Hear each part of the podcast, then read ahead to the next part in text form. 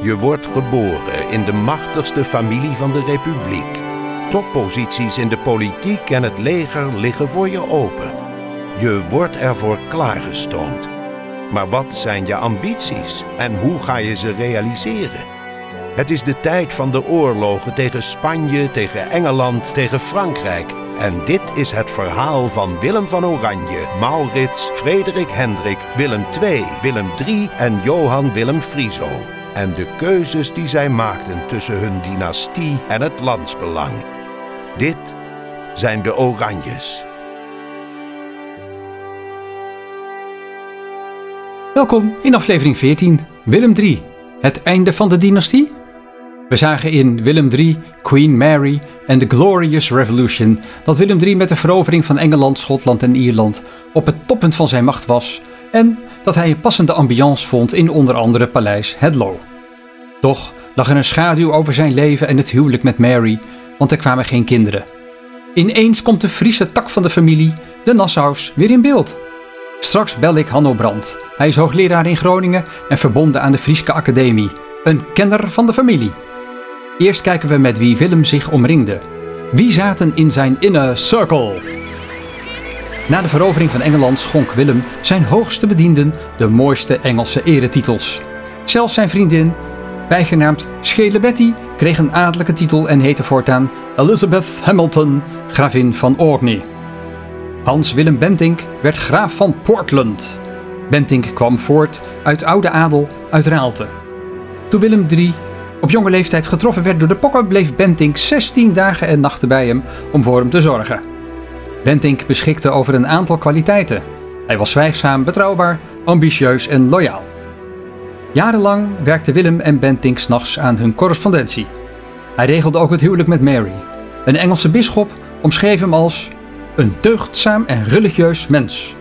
Bentinck maakte nooit grapjes en lichtzinnigheid was hem vreemd. Als Willem III op reis ging, nam Bentinck het bestuur over. Willem schreef hem: Ik zou niet weten hoe ik zonder jou moet leven.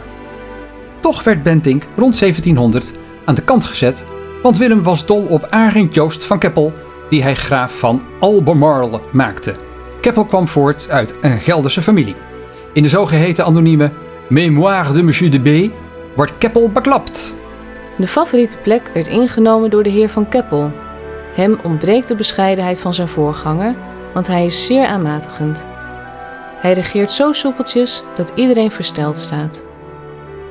Zijn geest is erg levendig, maar hij wordt niet gehinderd door studie of cultuur. Hij is knap en niet erg groot. Teleurgesteld besloot Bentinck daarop het hof te verlaten. In zijn brief aan Willem maakte hij hem een verwijt. Het is uw eer die mij ter harte gaat. De gunsten die uwe majesteit heeft voor een jonge man en de manier waarop u zijn vrijheden en hoogmoedigheden schijnt goed te keuren, doen de wereld, tot zelfs in Den Haag en in het leger, dingen zeggen die ik mij schaam te moeten horen. Het snelle succes van deze jonge man, die volgens getuigen onervaren, maar zeer charmant was, riep geruchten in het leven over een vermeende homoseksuele relatie tussen Keppel en Willem III. Bewijzen zijn er niet. Alleen dat ze samen flink konden drinken en lachen. Willems gezondheid ging wel achteruit. Hij werd dik, zeer gefatigeerd, dat is doodmoe. Zo slecht was zijn conditie dat iemand zei: Il a l'air de mort. Hij verspreidt een lijklucht. Begin januari 1695 was Willems vrouw, koningin Mary, bezweken aan de pokken. Voor de begrafenis in de Westminster Abbey componeerde Henry Purcell zijn Music for the Funeral of Queen Mary. Koning-stadhouder Willem was kapot van haar dood.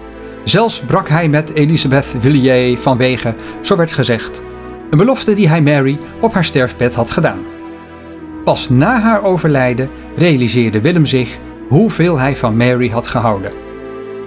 Veel tijd om te rouwen had hij niet, want opnieuw begon Lodewijk XIV een oorlog, zijn derde. Toen de koning van Spanje in 1700 kinderloos was gestorven, had hij een kleinzoon van Lodewijk XIV als zijn opvolger aangewezen. Nu dreigde dus een politieke eenheid tussen Frankrijk en Spanje. En zo zou de Franse hegemonie in Europa helemaal niet meer te beteugelen zijn. Er ontstond al snel een anti-Franse grote alliantie van Engeland, de Republiek, Pruisen, Portugal en Savoye, waarmee Willem III voor de derde keer sinds 1672 een hoofdrol kreeg in een oorlog tegen Frankrijk. In 1701 brak de Spaanse successieoorlog uit. In 1702, amper een jaar later, ging de koning te paard van zijn woonplaats Kensington naar het werkpaleis Hampton Court in Londen. In het park dat aan de route lag, struikelde het dier en Willem viel. Volgens de staatse agent in Londen leek het aanvankelijk nog wel mee te vallen. Het was gisteren acht dagen geleden dat iedereen vond dat de koning er goed uitzag en dat hij van de val weinig nadeel zou hebben. De koning wandelde in zijn galerij te Kensington nog kwieker dan hij de laatste tijd was en zonder stok.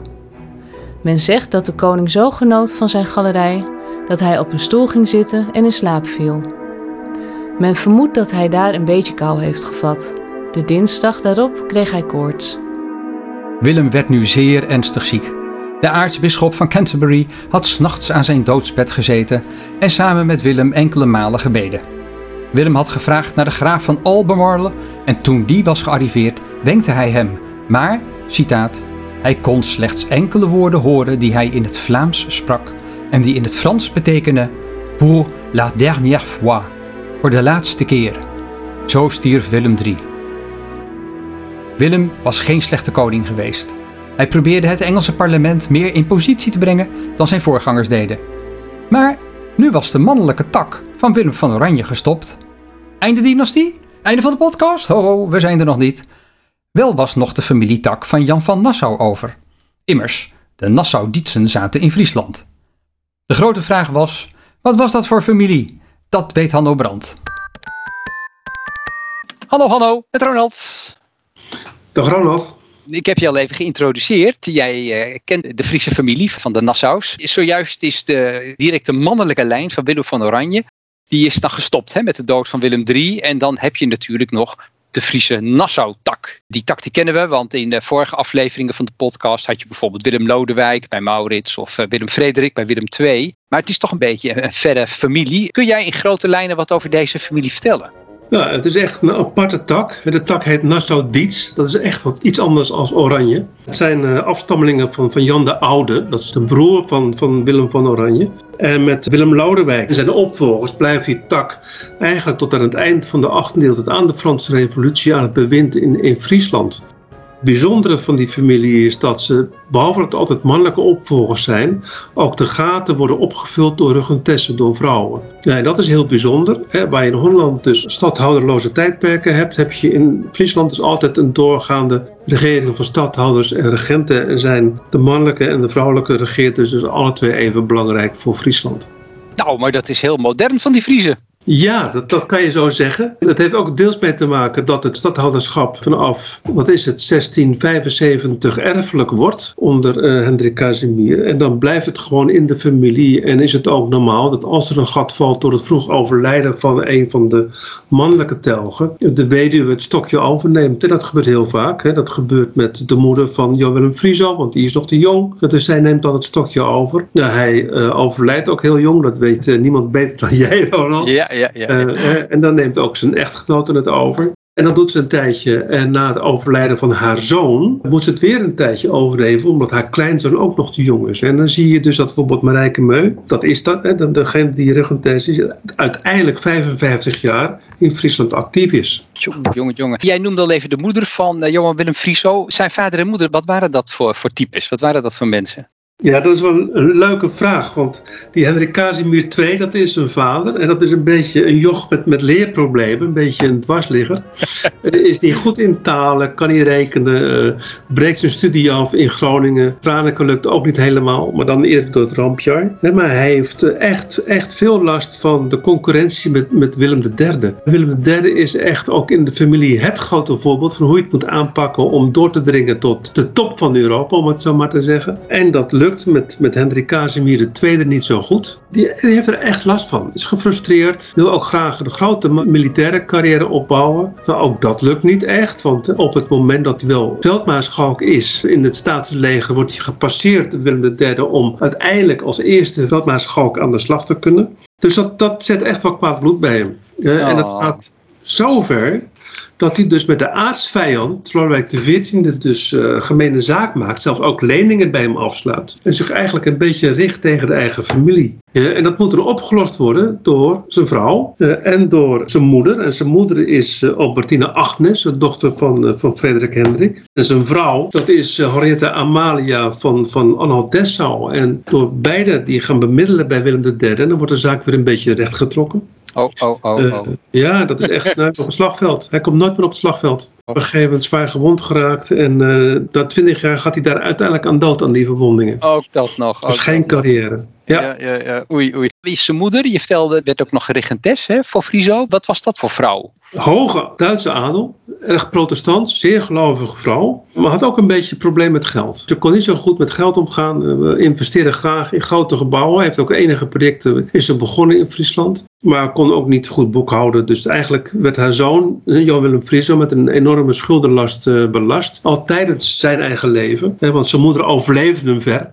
Die is pas ergens diep in de jaren 1720 overleden.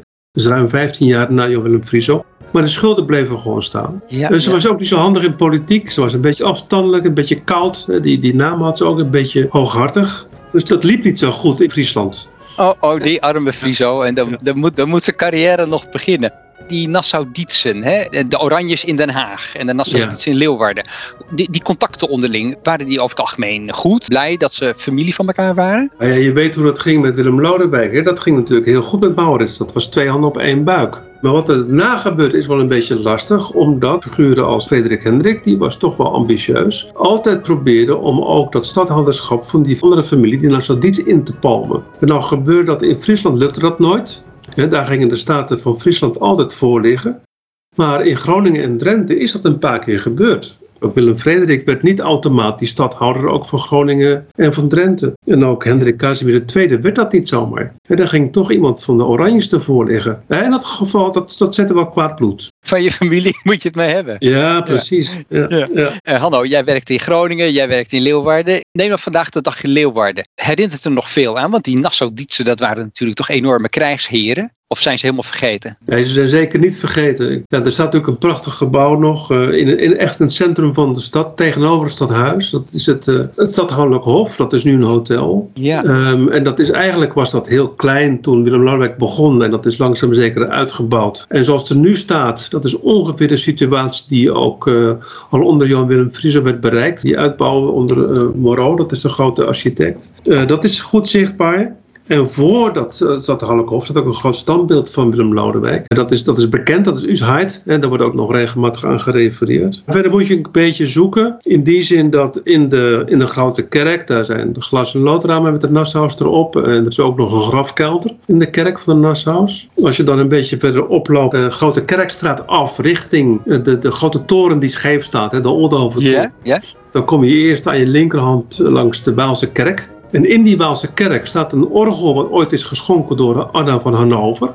De echtgenote van Willem IV. En als je dan weer verder de straat afgaat, dan kom je op het plein. En daar vlak voor het plein staat het Prinsessenhof. Dat is nu het Keramiekmuseum. En dat is het Prinsessenhof dat door uh, Marijke Meut, dus uh, door uh, vrouw van Willem Frieso, is gebouwd. Met daarnaast ook nog de stallen van de Nassau's. Dus die dingen zijn nog echt goed zichtbaar in de stad. En als je dan aan de achterkant van het museum gaat staan, dan kijk je recht de Prinsentuin in. Die aanleg is begonnen onder Albertine Agnes vanaf 1648. En dan is er gewoon in de eeuwen daarna is daar voortdurend aangewerkt om die Prinsessentuin te maken tot een heel mooi park. Die nog herinnert aan de Nassau's. Genoeg te zien in de stad. Ja, ja, ja. In 1795, je had het al over dat graf in de grote kerk, is toen geplunderd. Ja. Nou, dat is natuurlijk allemaal niet zo mooi. Maar hoe is dat inmiddels, anno nu? Zijn de Friesen nu wel een beetje trots op uh, Friso? Ja, maar dat was toen ook. Het waren patriotten die niet zo trots waren, maar een deel yeah. van de bevolking natuurlijk wel. Dus dat bleef. Maar nu ook, volgens mij staan voor een heleboel Friesen toch die Nassau's nog een klein beetje symbool voor een soort Friese vrijheid. Maar niet dan de middeleeuwse Friese vrijheid, want die, die dulde geen landje boven zich. Maar meer in de zin van Friesland met een eigen stadhouder, wat ze nog een beetje kon afzetten tegen de dominantie van Holland en Zeeland. In die Ja. zin. Ja, dus dat speelt wel. Hey Hanno, heel hartelijk bedankt. Leuk. Nee, graag gedaan. Leuk Dankjewel. even te spreken, Ronald. Het testament van Willem III. Op 8 mei 1702 verzamelde zich om 10 uur 's ochtends in de leenkamer van het Hof van Holland op het Binnenhof Diplomaten die gestuurd waren door vorsten die meenden dat zij in het testament van Willem III zouden voorkomen. Een vertegenwoordiger van koningin Anne van Engeland. Die van koning Frederik van Pruisen. Gezanten van Henriette Amalia van Nassau-Dietz. Zij was regentes voor haar zoon Johan Willem Frieso. Deze jonge graaf had belangrijke voorouders, want hij stamde zowel af van Willem van Oranje als van Jan van Nassau. Twee van zijn oma's waren kleindochters van Willem van Oranje en zijn opa was een kleinzoon van Jan van Nassau. De notaris opende het testament en las het volgende voor.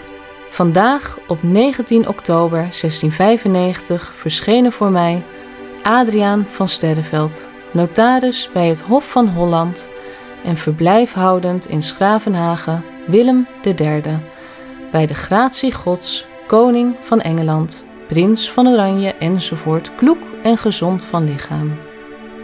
Wij hebben aangewezen en vastgesteld als onze enige en universele erfgenaam over alle lenen en allodiale goederen die wij na onze dood nalaten, onze neven den prins Friso van Nassau, oudste zoon van prins Casimir van Nassau, op voorwaarde dat er voogden over hem worden aangesteld, die wij hierna zullen aanwijzen.